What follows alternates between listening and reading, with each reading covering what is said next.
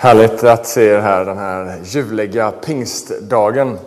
Jag vill bara, också, bara börja med att be. Be att det vi ska få höra idag förkunnas, att det ska få tala till våra hjärtan, att det ska få bygga upp oss i vår allra heligaste tro, att det ska utrusta oss att tjäna Kristus. Herre, jag tackar dig för att vi får samlas idag. Vi får samlas inför ditt ord, inför dig själv. Och jag tackar dig precis som vi har proklamerat i lovsången så är du här genom din helig Ande mäktigt närvarande. Halleluja. Jag ber att min förkunnelse ska få bli till hjälp, uppbyggelse, uppmuntran, utmaning och förvandling. I Jesu Kristi namn. Amen.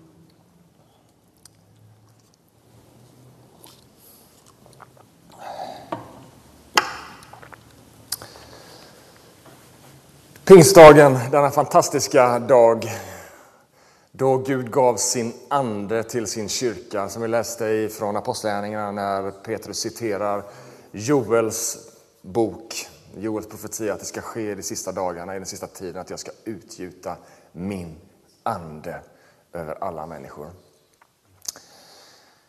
Anden, den tredje personen i gudomen. Vi tror på Gud Fader, Gud Sonen och Gud den helige Ande. Anden som är Guds aktiva kraft på jorden. Guds aktiva kraft på jorden. Anden som är Guds aktiva närvaro på jorden. Vi tror inte på en Gud som är där borta. Vi tror på en Gud som genom Jesus Kristus kom nära och sen på ett ännu djupare sätt genom sin ande har kommit oss till del. Anden Gud närvarande, Gud aktiv mitt ibland oss och mitt i våra liv. Jag vet inte, men jag tänker ibland, jag kan inte låta bli att tänka på lärjungarna som hade vandrat med Jesus. Inte bara liksom den lilla kretsen av lärjungar, utan alla de troende som följde Jesus och som hade funnit sitt hopp i Jesus, denne Messias. Och eh, för tio dagar sedan så firade vi Kristi himmelsfärd. Och då kan man tänka, ur deras perspektiv, vilket nederlag. Du har ju precis uppstått från de döda. Men först trodde vi att allt var kört. Vi hade investerat i någonting, bara aktien bara dök, liksom, så det bara kraschade totalt. Men så fick de hoppet tillbaka. Han uppstod och mer än fick hoppet tillbaka. De bara wow, vad är det som händer? Men så går det bara tio, eh, och sen så går det, går det 40 dagar och så eh, lämnar han dem. Men när han lämnar dem så är det inget nederlag. Men om man sätter sig in i lärjungarnas perspektiv och de troendes perspektiv så tror jag att det var nog så, de, så som de först uppfattade det. Jag menar, tänk er vandra omkring med Jesus. Vad kan vara bättre än att ha Jesus fysiskt med sig? Vad kan vara bättre än det? Nu lämnar han oss. Vad kan vara bättre än Gud inkarnerad, Gud fysiskt närvarande i sin son Jesus Kristus? Vad kan vara bättre än det? Så kommer pingsten, pingsten som talar om hur Gud sände sin ande. Gud sände sin ande för att bekläda lärjungarna och alla kristna i alla tider med Guds kraft. Jesus var Gud inkarnerad i mänsklig gestalt för att frälsa världen. Anden är Guds vilja och Guds kraft inkarnerad i varje troende för att vi ska vittna om denna frälsning som Jesus kom för att bringa. Så Jesus är Gud inkarnerad för att frälsa världen, men Anden är Gud inkarnerad på ett sätt i oss för att frambringa hans vilja, hans kraft genom oss så att vi kan vittna om den frälsning som Jesus kom med. Genom Anden så uppenbaras Jesus genom vanliga människors vittnesbörd. Jag vet inte du som var här förra veckan, vi hade en missionär här förra veckan som berättade om hur när han är och missionerar i, i Mellanöstern, hur de inte liksom bara kan gå ut och ropa Jesus på gatan därför att då hamnar de i fängelse och liksom det kan hända allt möjligt. Utan de brukar ofta, han berättar att vi brukar ofta fråga, när vi kommer in i en by, så frågar vi, det är inte så att ni har haft en dröm om en man klädd i vitt? Och så ofta, så många som svarar, jo, men vi vet inte vem det är. Och då kan de vittna om denne mannen i vitt, Jesus Kristus. Det är den helige Ande in action. Så att när vanliga kristna, när vi kommer, så liksom Anden verkar och samverkar med oss för att uppenbara Kristus. Det är Andens verk. Vi bekläds med kraft, kyrkan bekläds med kraft så att ni vittnar, när vi vittnar om Jesus så verkar Anden och uppenbarar Jesus för människor. Genom Anden så verkas Guds vilja fram i våra liv. Det är därför som Jesus kan säga innan han lämnar dem i Johannes 16 och 7. De här märkliga orden som jag tror inte lärjungarna fattade egentligen vad han sa. Johannes 16 och 7. Det är bättre för er att jag lämnar er, för då kan den helige Ande, Hjälparen, komma till er. Vad kan vara bättre än att ha Jesus vid sin sida? Jo, Jesus säger faktiskt, det är bättre i det stora perspektivet att jag ger av min helige Ande. Att ni alla bekläds med kraft, att ni alla blir bärare av Guds närvaro så att genom varje troende kan Kristus uppenbaras för världen. Och det är liksom på något sätt uppfyllelsen av Immanuel, alltså Immanuel, Gud med oss. Men inte bara Gud med oss, utan med Anden så blir det också Gud i oss, Gud genom oss. Wow! Och Det är den här uppfyllelsen vi har läst om idag i pingsttexten, den här texten som jag tror, man tror man läser i de flesta kyrkorna den här pingstdagen. Uppfyllelsen av hur Anden gavs på pingsten åt församlingen. Och Anden beskrivs på otroligt många sätt i Bibeln. Det är jättemycket olika, liksom Anden hjälparen, Anden var en rådgivare. Och så finns det fem specifika bilder som Bibeln uppenbarar om den helige Ande. Och det är de som jag egentligen vill, vill tala över idag. Fem bilder som genomgår hela Bibeln, både Gamla testamentet och Nya testamentet som beskriver den helige Ande. Och det är lätt att tänka att den helige Ande är en nytestamentlig sak.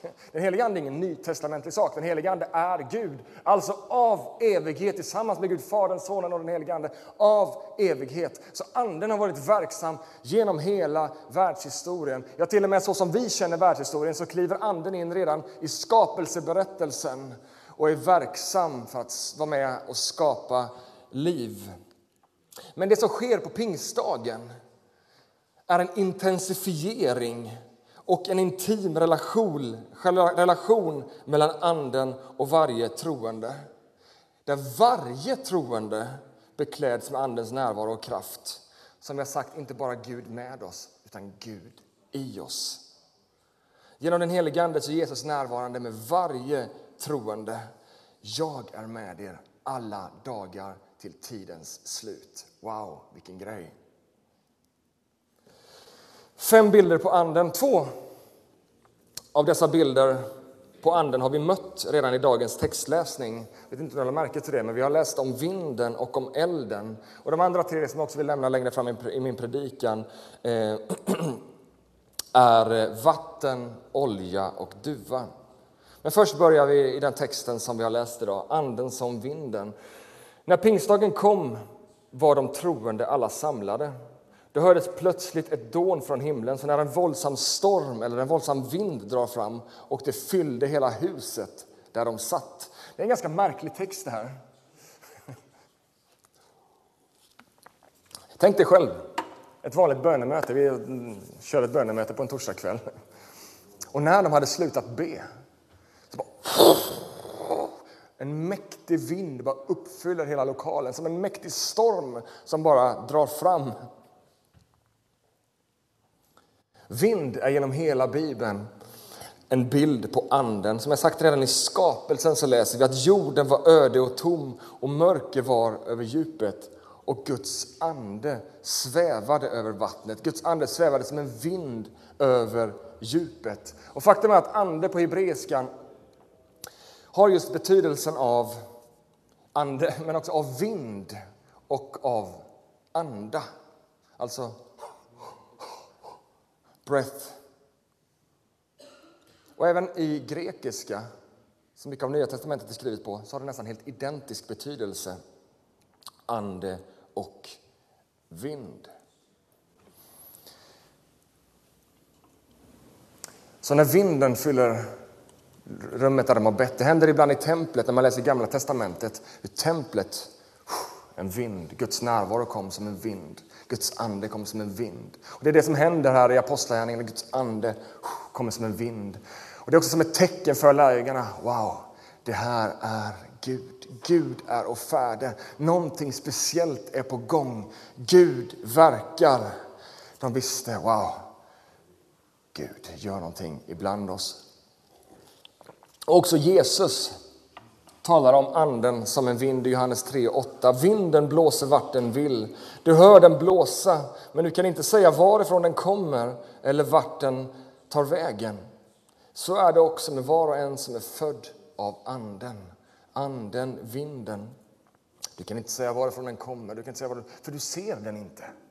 Men du kan känna den. Vinden är osynlig, men långt ifrån overklig eller overksam. Faktum är att det osynliga många gånger är långt mer påtagligt än det synliga. Doft kan vara ljuvligt påträngande och hemskt påträngande beroende på vad det är för doft. Värme, kyla, vind. Vi kan inte liksom... Var är det någonstans? Men vi kan uppleva det. Det är inte overkligt. Det är högst verkligt. Det är osynligt, men inte overksamt. Ibland kan vi tro att det är irrationellt att tro på det som inte är synligt. Men det gör vi hela tiden. Så är det också med anden. Det är inte irrationellt att tro på anden. Anden är högst verklig, även om han inte är synlig. Men vi kan se hans verkningar. Vi kan se att vinden är på gång. Vi ser inte vinden, men vi ser dess rörelse. Lika mäktig som vinden i en höststorm.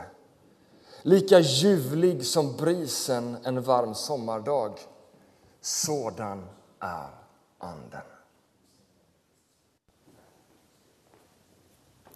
Och jag att livet med Gud är på många sätt att bejaka det osynliga livet. Att bejaka Andens vind i det inre, att bejaka det som inte syns men det som faktiskt är påtagligt. Och ibland när jag talar om kristna tron, för, för liksom, eller min tro för människor som inte känner Gud, så, så vill jag också ofta ha med den här dimensionen, att det finns någonting jag inte kan ta på. Men jag bara vet. Jag har en erfarenhet av Gud. Jag kan inte se det, jag kan liksom på något sätt försöka beskriva det, men det, det är också svårt. Men det finns någonting, jag har en erfarenhet av Gud genom Anden. Det där behöver vi bejaka. Det där behöver vi mer av. Andens osynliga liv i vårt inre. Vi kan inte se vinden, men vi kan se vindens verk. Vi kan inte se anden, men vi kan se andens verk. Vi kan känna andens inre maning. Vi kan känna andens ledning, andens tilltal. Ibland kommer det som en sån här mäktig storm och ibland som en stilla sommarbris eller som en liten susning. Vi får lära oss att lyssna, vi får lära oss att känna, wow, anden är nära. Tänk om vi skulle öppna våra fönster lite mer för detta livet, lite mer för Guds vind i våra gudstjänster, i våra liv, att bejaka det där livet. Hans Weissbrot som ibland kommer och predikar hos oss, eh, jag kommer ihåg en predikan han hade, så, så talar han om att man kan vara roddbåtskristen och man kan vara segelbåtskristen. Det är när liksom man försöker ro sig fram med egen kraft. Det andra sättet att vara kristen talar om är att hissa andens segel och fånga vinden. Jag tycker det är en ganska härlig bild. Mer av anden i våra liv är ingen kamp. Men att hissa sina segel, det är att leva öppen mot anden, öppen mot vinden. Vinden gör jobbet, vinden flyttar båten. Men seglet måste hissas, vi måste vara öppna för vinden. Vi behöver leva öppna mot en helig ande, öppna mot vad den helige ande vill göra. Och då kan anden göra långt mycket mer än vad vi kan tänka eller förstå. Därför att det är en mäktig vind. Anden som en vind. Den andra bilden vi möter i, i dagens text är anden som elden. Efter att de hade upplevt vinden så står det så här. Sedan såg de något som såg ut som eldslågor och, den de, och det delade på sig och stannade över var och en av dem och det blev alla fyllda av den helige Ande. De såg något som eldstungor som fördelade sig över var och en av dem. Precis som med vinden så är också elden ett element i Gamla testamentet som bekräftar Guds närvaro. Vi ser det när Moses får möta Gud i den brinnande busken.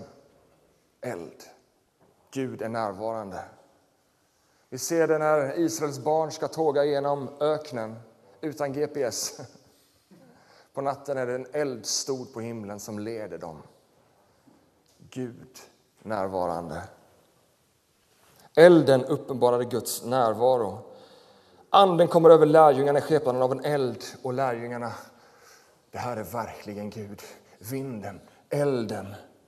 De förstår att det är Gud som verkar. De förstår att det här är något unikt. Det är infrielsen av det Jesus själv har lovat. Att stanna kvar här i staden tills ni blir beklädda med kraft ifrån ovan.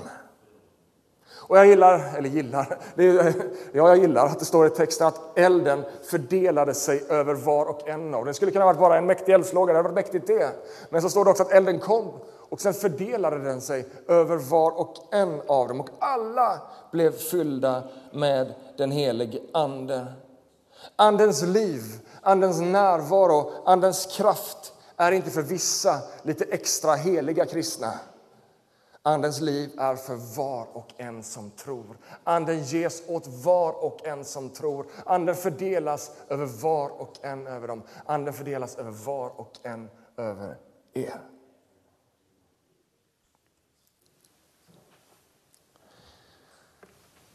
Elden uppenbaras inte längre i en buske.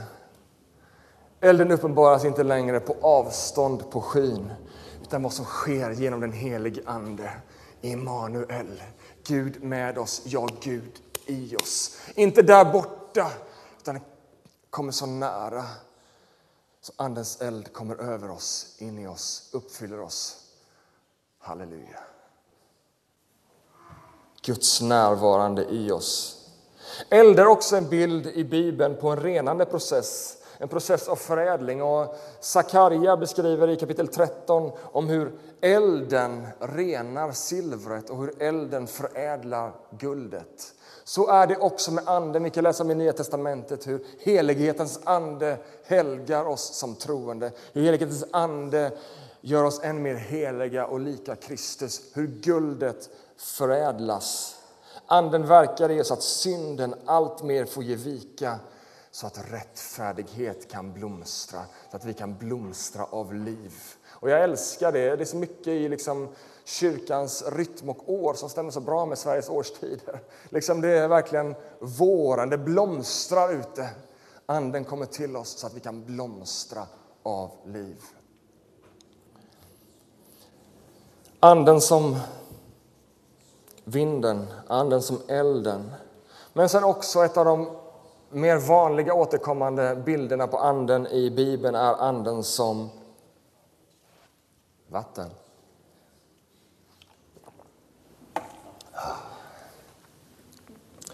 Vatten.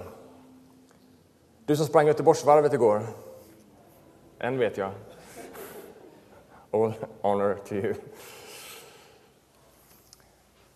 Vad känner man när man törstar och liksom bara, det är varmt?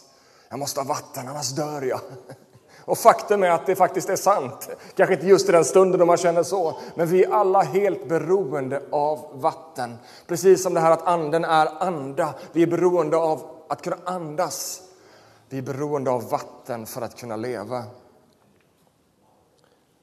De här bilderna visar hur beroende vi är av den helige Ande totalt beroende. Vi kan inte leva utan anden. Vi kan inte förmå att leva det kristna livet utan att den helige ande flyttar in i oss. Det räcker inte med anden vid vår sida eller anden liksom.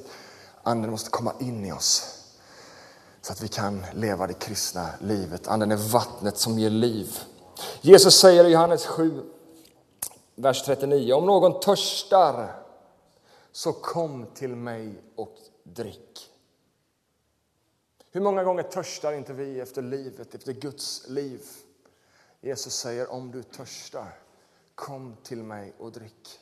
Kanske lite ofta skulle vi respondera på den inbjudan när vi känner att vi törstar, när vi känner att vi längtar efter mer av Gud. Att faktiskt komma till han som ger av sin ande. Kom till mig och drick. För den som tror på mig, ur hennes och hans inre skall strömmar av levande vatten flyta fram. Som skriften säger. Detta sade han om anden som det skulle få som trodde på honom. Alla som tror på honom skulle få detta vatten. I tron på Jesus Kristus har du fått en källa av liv inom dig. Och det han talar om är anden. Anden inom dig som är vad då? Jo, en källa av liv. Ur källan springer fram friskt vatten, fräscht liv. Och när Jesus säger det här så citerar han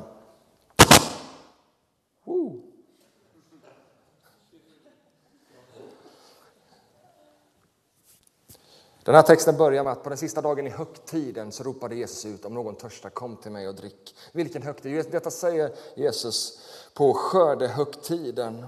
Det som man kan läsa om i tredje Mosebok, en ritual, lövhyddohögtiden, en skördefest som varade i sju dagar. I sju dagar så firade de och festade och jublade över skörden och över livet. Och det fanns en ritual där, där de öste vatten över altaret. Och alla som var samlade de sjöng med glädje, nu ska vi sjunga, med glädje ska vi ösa vatten ur frälsningens källor. Så det är den här högtiden som Jesus, som Jesus eh, talar om. Den sista dagen i högtiden så ropar han ut, kom ni som törstar. De öste ur källan av liv, ur frälsningens källa. Så Jesus kopplar ihop de här bilderna. Att liksom anden är som frälsningens källa inom oss, ur vilken vi med glädje får ösa ur frälsningens källor. Vi får förstå än mer av vad frälsningsverket innebär för oss. Men inte bara förstå, vi får också uppleva och vi får göra det i glädje, därför att detta är något glädjefyllt. Det är något fantastiskt att få uppleva mer av Gud och förstå mer av vem han är. Det är något glädjefyllt. Så därför ibland när man går in i vissa kyrkor och det bara är död, så undrar man, vad håller ni på med? Med glädje ska vi ösa ur frälsningens källor. Därför behöver vi mer av Andens liv ibland oss. Därför att då får vi del av glädjen. Därför att Anden har kommit med glädje och frid och rättfärdighet säger skriften. Halleluja! Känner jag mig som en sån här eldig, härlig predikant. Mer av det, Jakob. Kom ihåg en predikant som var besökte vår kyrka när jag var ung. Han sa, vad är det för fel på er? Det ser ut som att ni alla har blivit döpta i citron. ja. Blev tyst i hela kyrkan.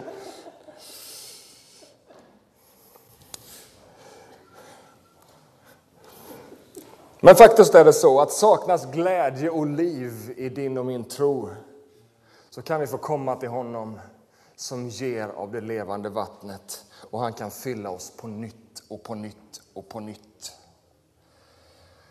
Psalm, första salmen talar om hur vi får vara då som ett träd planterat vid vattenbäckar.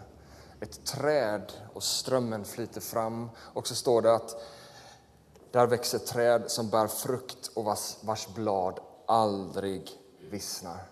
Halleluja, så är det med var och en som är fylld av Anden. Guds vision för oss att vi ska blomstra. Så därför ger oss en källa av liv.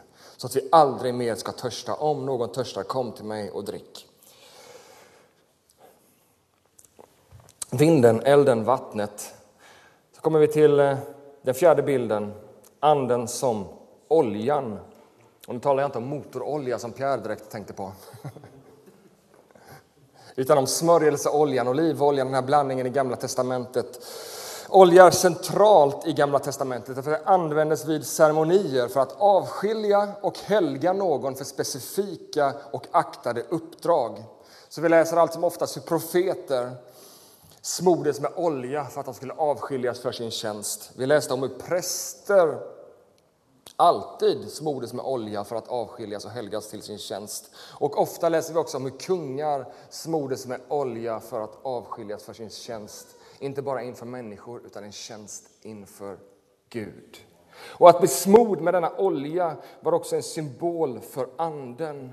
Att bli smord av den helige Ande, att bli avskild av och få del av Andens kraft för uppdraget. Första Samuelsboken, där vi kan läsa om hur kung David blev smord till kung. Och då står det om Samuel, profeten Samuel. Då tog Samuel sitt oljehorn och smorde honom mitt ibland hans bröder. Och vad hände då? Herrens ande kom över David. Smörjelsen som är symbol för anden. Smörjer dig och avskiljer dig för detta uppdrag att tjäna Gud. Men du är inte ensam i detta uppdrag, utan du får också del av Andens kraft för uppdraget. Jesus säger om sig själv att han var smord med Anden. Andens kraft, I Andens kraft återvände Jesus till Galileen och ryktet om honom gick ut i hela området. Han undervisade om synagogorna och fick lovord av alla. Så kom han till Nasaret, där han hade vuxit upp. På sabbaten gick han som han brukade till synagogan. Han reste sig för att läsa ur skriften och man räckte honom profeten Jesajas bokrulle. När han öppnade rullen fann han stället där det stod skrivet Herrens ande är över mig, för han har smort mig till att förkunna glädjens budskap för de fattiga. Han har smort mig. David var utvald att vara kung och han fick Andens kraft för uppdraget. Jesus var Guds utvalde, också han smord med Andens kraft. Och med detta som bakgrund så skriver Johannes om oss. Nu blir det intressant i första Johannes brev kapitel 20. Första Johannes 1, vers 20. Men ni har fått en smörjelse från den Helige. I er förblir den smörjelse som ni har fått av honom.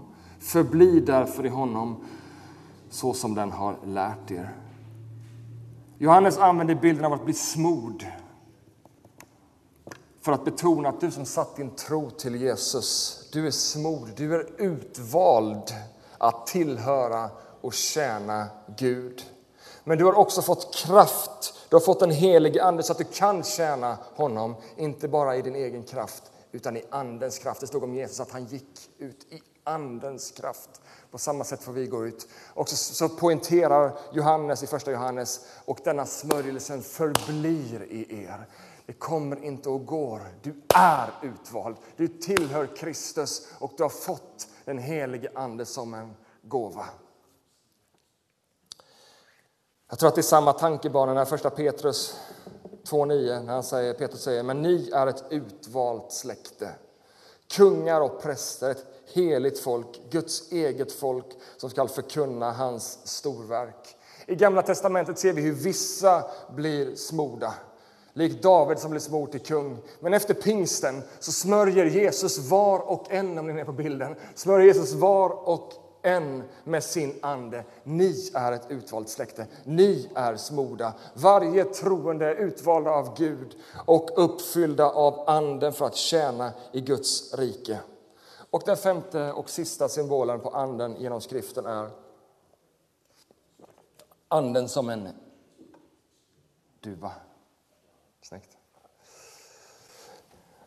I alla fyra evangelierna så kan vi läsa om hur anden sänker sig ner som en duva över Jesus vid hans dop. Och I Matteus kapitel 3, vers 16 står det så här. När Jesus hade blivit döpt steg han genast upp ur vattnet och då öppnade sig himlen. Och han såg Guds ande sänka sig ner som en duva och komma över honom. Och en röst från himlen sade Han är min älskade son. I honom har jag min glädje.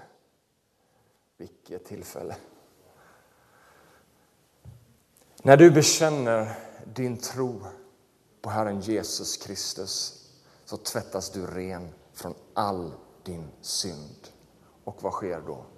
Då ges Anden till dig som en gåva. Då sänker sig Anden ner över dig som en duva. Ni är med på bilden. När du bekänner din tro på Jesus Kristus så blir du tvättad ren ifrån din synd och anden faller på det rena offret, står det i Gamla Testamentet. Så du har blivit ren i kraft av Jesu blod. Då kommer anden över dig och uppfyller dig med Guds närvaro. Den vita duvan, fredsduvan, den vita, den rena duvan, är ett tecken på renhet. Kommer över dig som en bekräftelse på att du är ren. Och här också i Jesu dop, alltså dopet är en mäktig handling att få bekräfta just detta. Att du har dött bort med din synd och uppstått till ett nytt liv i renhet, uppfylld med den helige Ande. Är du inte döpt så bli döpt. En mäktig proklamation vad Kristus har gjort och ett tillfälle då Gud verkligen verkar och bekräftar dig i tron. Och i det här tillfället när, när duvan sänker sig ner över Jesus så öppnas himlen och en mäktig röst hörs från himlen. Han är min älskade son, i honom har jag min glädje. Anden bekräftade Jesus som Guds älskade son. Och vet du vad, detsamma är med dig. Anden är Guds sätt att bekräfta dig att du är Guds älskade dotter, att du är Guds älskade son. När Gud ser på dig så ser han inte dina misslyckanden. När Gud ser på dig så ser han inte dina skavanker och svagheter. När Gud ser på dig så ser han inte det som gärna andra kanske påpekar för att trycka ner dig lite, för att hålla dig på plats. Han ser inte heller det som du kanske själv skäms över. När han ser på dig så ser han först och främst en älskad dotter. När han ser på dig så ser han först och främst en älskad son. Jag tycker också det är en ganska häftig grej att duvan i Gamla testamentet var det fattigas offer. De rika de hade råd att köpa lamm och fina grejer. Men de fattiga de fick nöja sig med duvor. Anden kommer som en duva. Och för mig symboliserar det att duvan exkluderar ingen. När det gäller Andens verk, det poängteras gång på gång i skriften hur elden fördelas över alla, hur Anden ges till alla som tror, hur Anden inte gör någon skillnad på människor, utan alla är med. Anden river murar mellan kulturer och mellan könen.